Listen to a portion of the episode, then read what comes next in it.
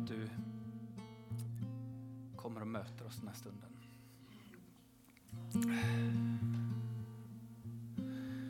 Och vi tackar dig för att du vill göra det, för att du kommer att göra det. För att vi kommer gå härifrån ikväll förvandlade på ett eller annat sätt. Kanske inte att vi märker det på en gång. Det står i ditt ord att du låter inte ditt ord, du sänder inte ut ditt ord förgäves. Utan du låter det skapa det som du vill, Herre. Och idag ska vi tala om din nåd. Jag ber om din nåd för mig att dela den. För alla som är här att våga ta emot den.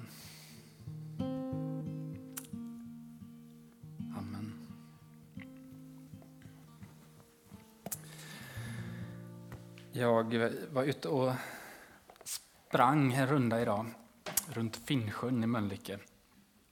Och eh, jag var nästan klar så mötte jag en man som hade sånt fantastiskt leende. Eh, det var liksom så här. Han kom och mötte mig. ni vet ju, svenska som ni är, att så ser man inte ut när man möter någon sådär, utan det är ofta ett ganska, kanske till och med undviker blicken eller så. Eventuellt om man båda är ute och joggar kanske man nickar lite sådär. Men jag fick bara sån här solskensleende av den här mannen. Och eh, jag tänker att det är en bra bild för Guds nåd. Jag tror att vi många gånger förväntar oss att Gud ska se ut ungefär som de här som vi möter på, när vi promenerar eller så. Ett allvarligt ansikte, kanske nästan vänder bort blicken från oss. Vi kan, vi kan lätt få för oss sånt där. Men han, är, han vill bara att du ska ta emot hans leende.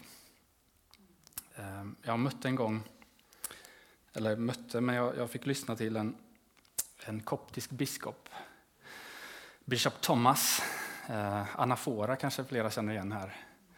Eh, Ekfors har ju kopplingar där. Och han var på något som heter Korsvej eh, i Norge och talade. Och eh, jag hade aldrig sett honom, visste inte vem det var, jag tyckte det lät spännande. Och så var vi samlade här, vi skulle gå in i en aula. Så vi stod där. Och så plötsligt så kommer han ut och jag vet fortfarande inte vem det är. Men jag bara möter en blick jag har aldrig varit med om det någon gång tidigare, men det kändes som att jag såg in i Jesu ögon när jag mötte hans blick. Det var som att Gud, som att Jesus lånade hans ögon. Och det var totalt liksom, fritt från fördömelse, bara ren kärlek som såg på mig. Och det har varit en bön sedan dess för mig att använd mig på det sättet, låna mina ögon, låt människor få möta dig genom mig. Eh. Och det är det som nåd handlar om. Att få ta emot, få bli ett redskap i den här världen för Guds kärlek utan att vi har förtjänat det.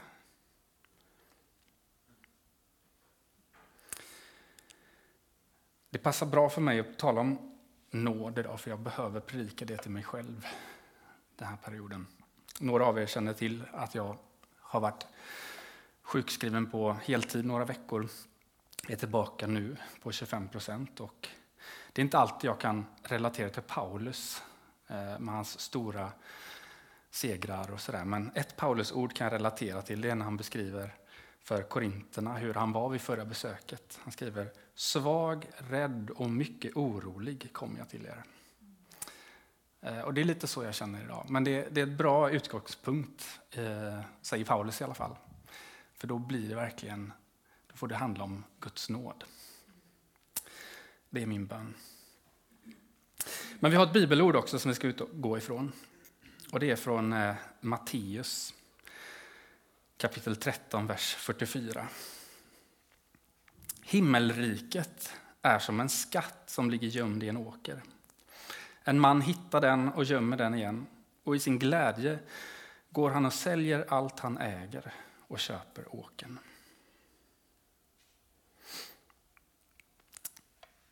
Det är inte alltid man får predika på så kort bibelställe. Men det här är faktiskt egentligen bara en liten del av, ett, av en serie liknelser om himmelriket. Det är sju stycken. Jesus säger liksom sju liknelser om himmelriket på rad i det här talet. Eh, flera av er känner säkert igen flera av de här. Till exempel den första, liknelsen om sådden. En man sår frön i alla olika jordmåner. Både i den här goda jorden, åkermarken, men också på vägar och vägkanten och stigar. Och sår, ger samma jordmån, eh, eller ger olika jordmån samma möjlighet. Nästa liknelse är det här om ogräset. Att en man sår vete, men så kommer en fiende natten och sår eh, ogräs bland vetet. Eh, den tredje liknelsen är senapskornet. Himmelriket är som ett senapskorn som är det minsta av alla frön, men som när det har vuxit upp så blir det större än alla örter och himlens fåglar kommer och bygger bo i dess grenar. Och sen börjar han prata om surdegen. Himmelriket är som en surdeg som en kvinna skapar med sina händer. Och degen jäser över tid. Och så kommer den här då, som nummer fem. Himmelriket är också som en skatt som ligger gömd i en åker. Eh, en liknande kommer sen. Himmelriket är som en köpman som finner en pärla, en dyrbar pärla. Eh, Ehm, och så den sista, som faktiskt är den eh, text som Staffan predikade på, på den här SVT-gudstjänsten som kommer sändas. Det här himmelriket är som eh, eh, ett fisknät fullt med fiskar av olika slag och så kommer de här fiskarna att rensas de rättfärdiga från de onda. Och jag tror inte att det är en slump att det är just sju, det är alltid sådär. Eh, ofta talsymbolik. Det är en vecka.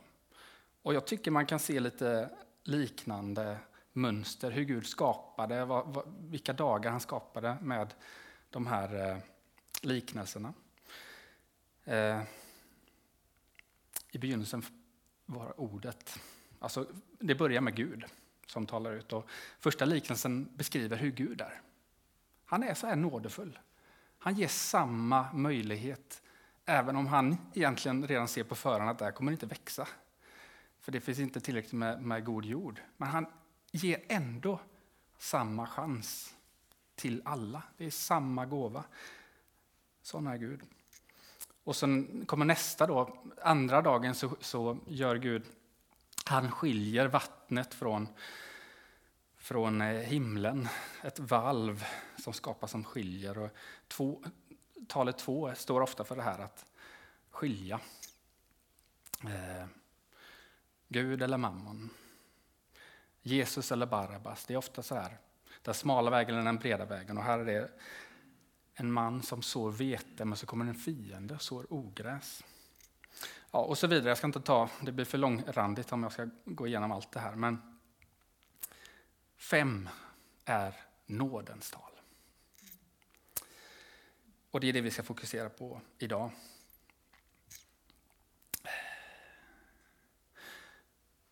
Nåden är fundamentet för vår tro. Eh, några av Luthers slagord var ju nåd alena och tro alena. För att markera mot all falsk religiositet som gick ut på att man skulle förtjäna det där som Gud ger helt av nåd och som vi får ta emot helt i tro. Det är därför vi ibland brukar säga att om en kristen tro det är inte religion, det är en relation. Man säger ja till att gå in i den där relationen för att Gud vill det, oavsett vad vi har gjort. Paulus skriver, ty av nåd är ni frälsta genom tron, inte av er själva. Guds gåva är det. Det beror inte på gärningar. Ingen ska kunna berömma sig. Vi är hans verk, skapade genom Kristus Jesus till att göra de goda gärningar som Gud från början bestämt oss till. Paulus skriver detta i Efesierbrevet och Paulus börjar alla sina brev och slutar alla sina brev med en önskan, en bön om nåd. Och nåden finns med direkt i flera av evangelierna också. Lukas evangeliet till exempel, när Jesus ska födas in i den här världen och ängeln säger Var inte rädd Maria, du har funnit nåd hos Gud. Även det var nåd. Eh, och någonstans är Maria en bild för oss var och en, att det, det är det Gud vill göra med oss var och en. Att vi ska få föda Kristus ut i den här världen. Eh, och jag tänker att den där hälsningen kan vi ta till oss var och en idag.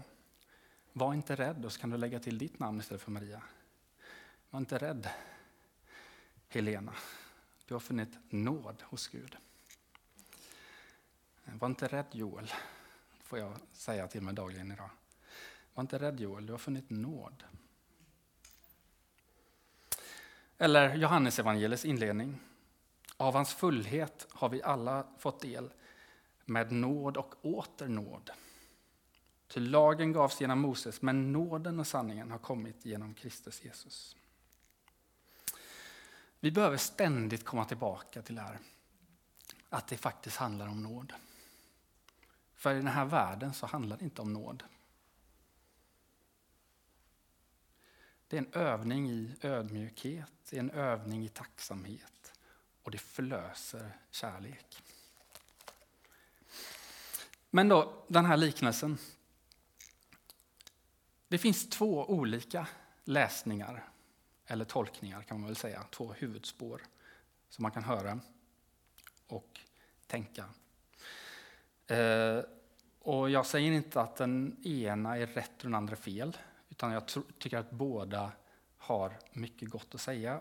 Jag tror att den vanligaste tolkningen är att skatten är evangeliet om Guds kärlek som en man finner och går och säljer allt han har för att kunna köpa åken där skatten är. Ehm, och Det är en god läsning. Det går i linje med vad Jesus säger. Till exempel sök först Guds rike och hans rättfärdighet så ska ni få allt det andra också. Så det här att sälja allt för att eh, köpa eh, åken för att få, få skatten. Ehm, Jesus säger ju faktiskt det till en, till en man som, som kommer till honom. Vad ska jag göra för att få evigt liv? Och då säger han, ett fattas dig, gå och sälj allt du har och ge åt de fattiga. Då får du en skatt i himlen. Kom sen och följ mig. Det säger han inte till alla, men till den här mannen så sa han det. Ehm, det finns bara en skatt i åkern, det finns bara en Gud. Och vi behöver göra oss av med alla andra gudar för att vi ska kunna leva i den nåden. Och nåden då i den här läsningen är ju att den här mannen mer eller mindre snubblar på en skatt. Han hade inte, det handlar inte om skicklighet, eh, utan han, han hittar bara en skatt och så, den där ska jag se till att ha. Eh, och nåden är också då att han har inte samlat ihop den här skatten. Det är någon annan som har gjort, han får bara ta emot det. Men så har jag någonstans eh, fått upp ögonen för att det kanske egentligen är tvärtom den här berättelsen ska läsas i första hand. Att Jesus är mannen som finner skatten. Och I flera av de andra liknelserna är det ju faktiskt Gud som är subjektet. Det är han som går ut och sår ehm, i alla jordmåner. Det är han som sår vete. Eh, det är förmodligen i, i, i liknelsen, liknelsen om senapskornet är det förmodligen också Gud som sår det här lilla fröet som, blir, som växer och växer och växer. Eh, för oss så tänker vi oftast tvärtom, att det är vi som söker Gud. Det är därför vi gör den här läsningen. Att det, det är jag eller någon människa som finner evangeliet, finner Gud. Vi kallar ju personer för sökare. Och det är sant. Och det är också bibliskt. Jesus säger be så ska ni få, sök så ska ni finna. Men vi glömmer lätt att det faktiskt är Gud som börjar sökandet. Och det börjar tidigt. Adam, var är du? Säger Gud. När människan har fallit i synd i, redan i skapelseberättelsen. Och Adam är ju egentligen inget personnamn för att det står i bestämd artikel i hebreiskan. Eh, bestämd artikel ha på hebreiska. Ha-Adam står det. Man skriver inte namn med bestämd artikel, det gör inte vi heller. Den Joel. Utan man säger namnet. Men här står det Ha-Adam. Så att, får man säga, vad, vad, betyder Adam? Jo, det betyder dels jord. Av jord är det kommen. Men det betyder också människan eller mänskligheten. Och då kan man se någonting djupare i det här. Att det är inte bara Adam där och då som Gud söker, utan det är människan, det är du och det är hela mänskligheten som han söker efter. Och vad säger Jesus? Människosonen har kommit för att söka, det här är faktiskt mitt favoritord. Människosonen har kommit för att söka efter det som var förlorat och rädda det. Till och med det som var förlorat kan han rädda. Och Jesus berättar en liknelse.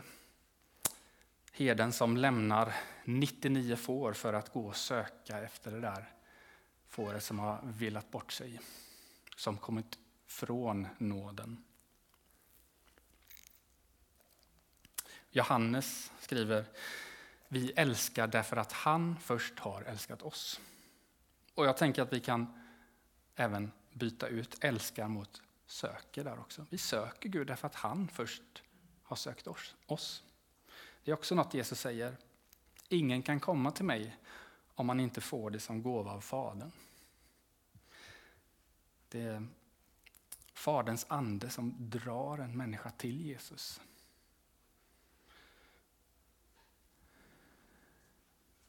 Eller lockar. Gud är mild.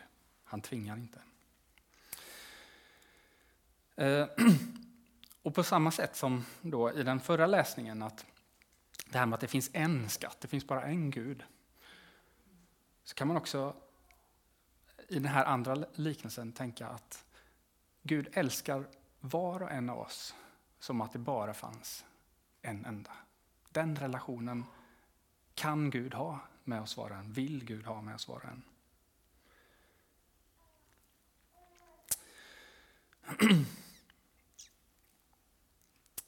Och skatten då som ligger gömd i åken, vad kan det stå för i den här eh, läsningen?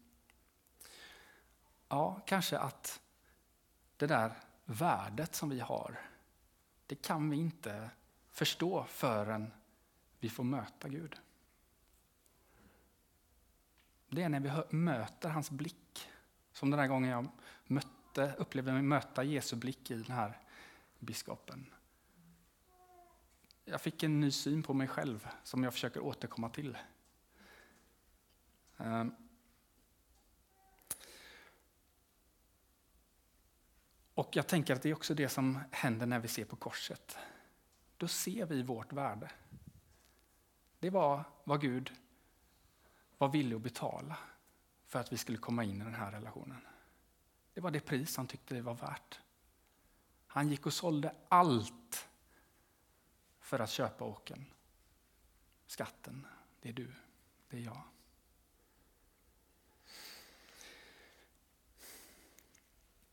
Sen satte jag in ett L i, i rubriken på, inför den här kvällen, eh, inom parentes där. Skatten som låg gömd, eller skatten som låg glömd. För det är lätt att glömma av det här. Jag tror att många som sitter här har sådana här ögonblick där man har fått möta Guds nåd och förstått det, tagit till sig det. Men det är lätt att förlora det där kontakten med det där, eller det här levande minnet av det. Ehm, det får mig att tänka på Lejonkungen, det är väl en film som ni alla har sett. Ehm, det här otroligt vackra stället i filmen. Mufasa som säger Simba, du har glömt mig. Och Simba säger nej, hur kan du tro det? Du har glömt vem du är och på så vis glömt mig. Är det likt? Eh, och säger han, titta in i ditt inre, du är mer än vad du har blivit.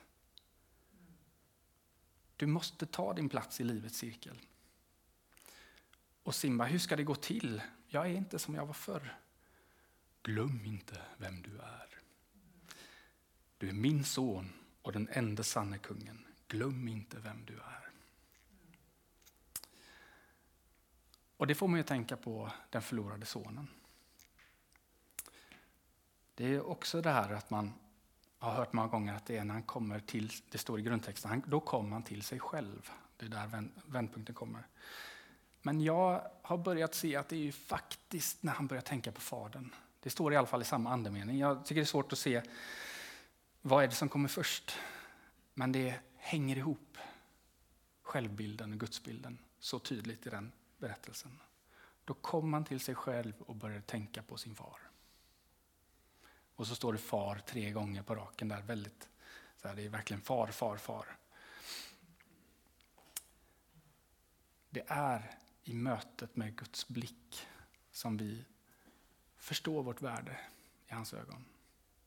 Och det har ingenting att göra med hur mycket smuts vi har på oss när Gud gräver fram det här, den här skatten i jorden. För det, det är samma värde. Vi skapade till hans avbild.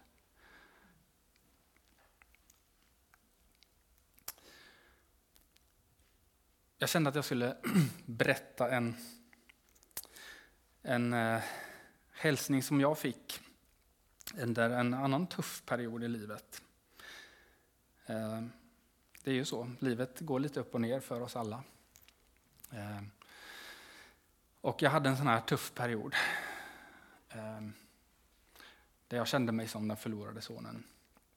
Som hade kompromissat och kommit från Gud och var i en väldigt känsla av skam och så här. Och eh, så var det en, jag var utomlands då. Jag var med UMU eller YWAM, en sån här DTS lärjungaskola jag gick. Så var det en tysk talare som var där en vecka och bad för mig. Och när han bad för mig så han blev väldigt berörd själv av bilden han fick. Som, I tårar sa han att jag ser en, en liten pojke, nu blir jag nästan rörd här, som, som leker med sin pappa.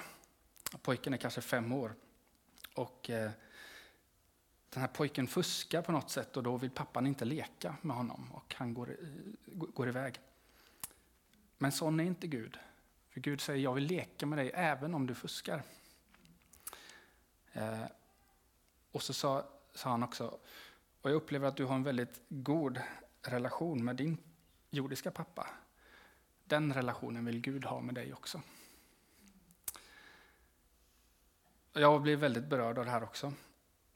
Och jag blev minst lika berörd när någon vecka senare så var det en annan man från Sydafrika som bad för mig och fick samma bild. Det var så tydligt att det här ville Gud säga, så han liksom lät mig förstå att ta till dig det här. Det är sån jag är. Och jag försöker. Jag försöker påminna mig om att sån är Gud. För jag har lätt att hamna i det där att ah, nu har jag gjort bort mig. Så börjar man piska sig och så tänker man att Gud är det här allvarliga ansiktet. Nej, jag vill leka. Jag vill fortsätta leka. Jag vet att du fuskade där, men jag vill leka med dig.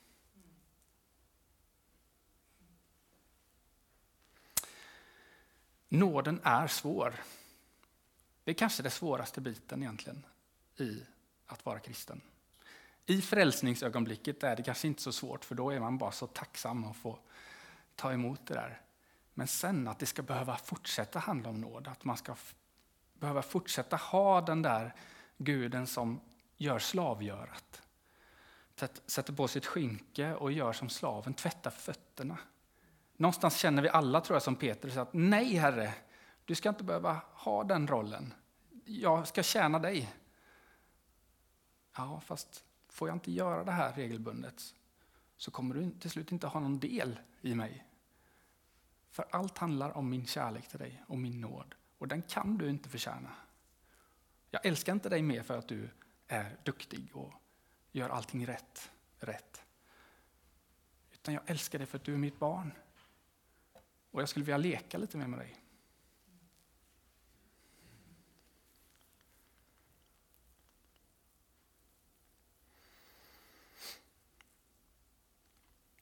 Jag ska avrunda.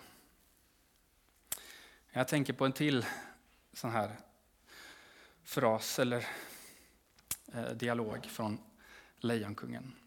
Det är när han möter den här härliga, vad är det, någon schimpans eller något. Asattisala skors malala wi. Och Simba säger, jag vet vad jag måste göra, men att återvända betyder att jag måste möta mitt förflutna. Jag har undvikit det så länge nu. Och vad händer då? Jo, Rafiki, som han heter, apan, slår till honom i huvudet. Aj! Varför gjorde du så där för? Det spelar ingen roll, det är det förflutna, säger Rafiki. Ja, men det gör ont fortfarande. Ja, det kan göra ont. Men som jag ser det kan du antingen rymma från det eller lära av det. Mm. Och en till fras här, eller dialog när de kommer tillbaka till det här karga landet. Och Timon säger, ska vi slåss mot din farbror för det här? Ja, Timon, det här är mitt hem. Oj, snacka om renoveringsobjekt. Men sån är också Gud. Alltså. Det är samma värde oavsett vilket skick. Och han är inte rädd för om det är lite renoveringsbehov eh, hos dig. Han vet det, han är inte förvånad. Men han väntar bara på att du ska komma in i famnen och låta honom få börja. Med ett leende.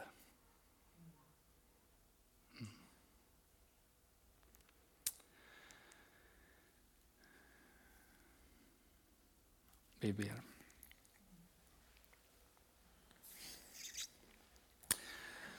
Ja, Gud. Sån här är du. Och vi har så svårt att förstå det här. Vi kan inte förstå det. Men det enda du begär är att vi i tro tar emot det. Och det behövs inte mer tro än ett senapskorn. För det handlar inte om vår tro. Det handlar om dig. Det handlar om din kärlek. Det handlar om vad du har gjort på korset. Det handlar om att du älskar oss med evig kärlek. Och ingenting, varken nöd eller ångest,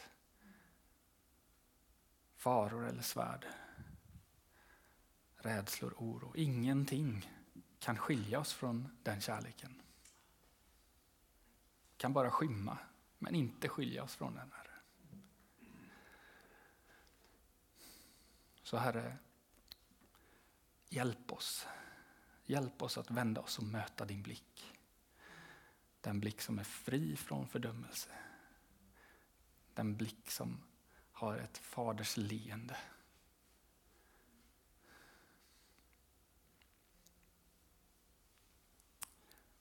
Amen. Vi ska vara en stund nu inför Guds nådefulla blick, ansikte. Och eh, det kommer finnas möjlighet att få förbön. Elisabet kommer stå här och Eskil kommer sitta där inne. Eh, och där, hos Eskil kan man få också lite mer samtal kring det man vill ha förbön för också. Eh, och Eskil är dessutom präst, även om han inte har en prästskjorta idag så är han präst. Eh, det betyder att han har den strängaste tystnadsplikten i hela vårt land. Så det kan man också veta att det här stannar det som sägs där i det rummet. Men Gud är också där och det är fantastiskt. Så vi går in i, i bön och lovsång.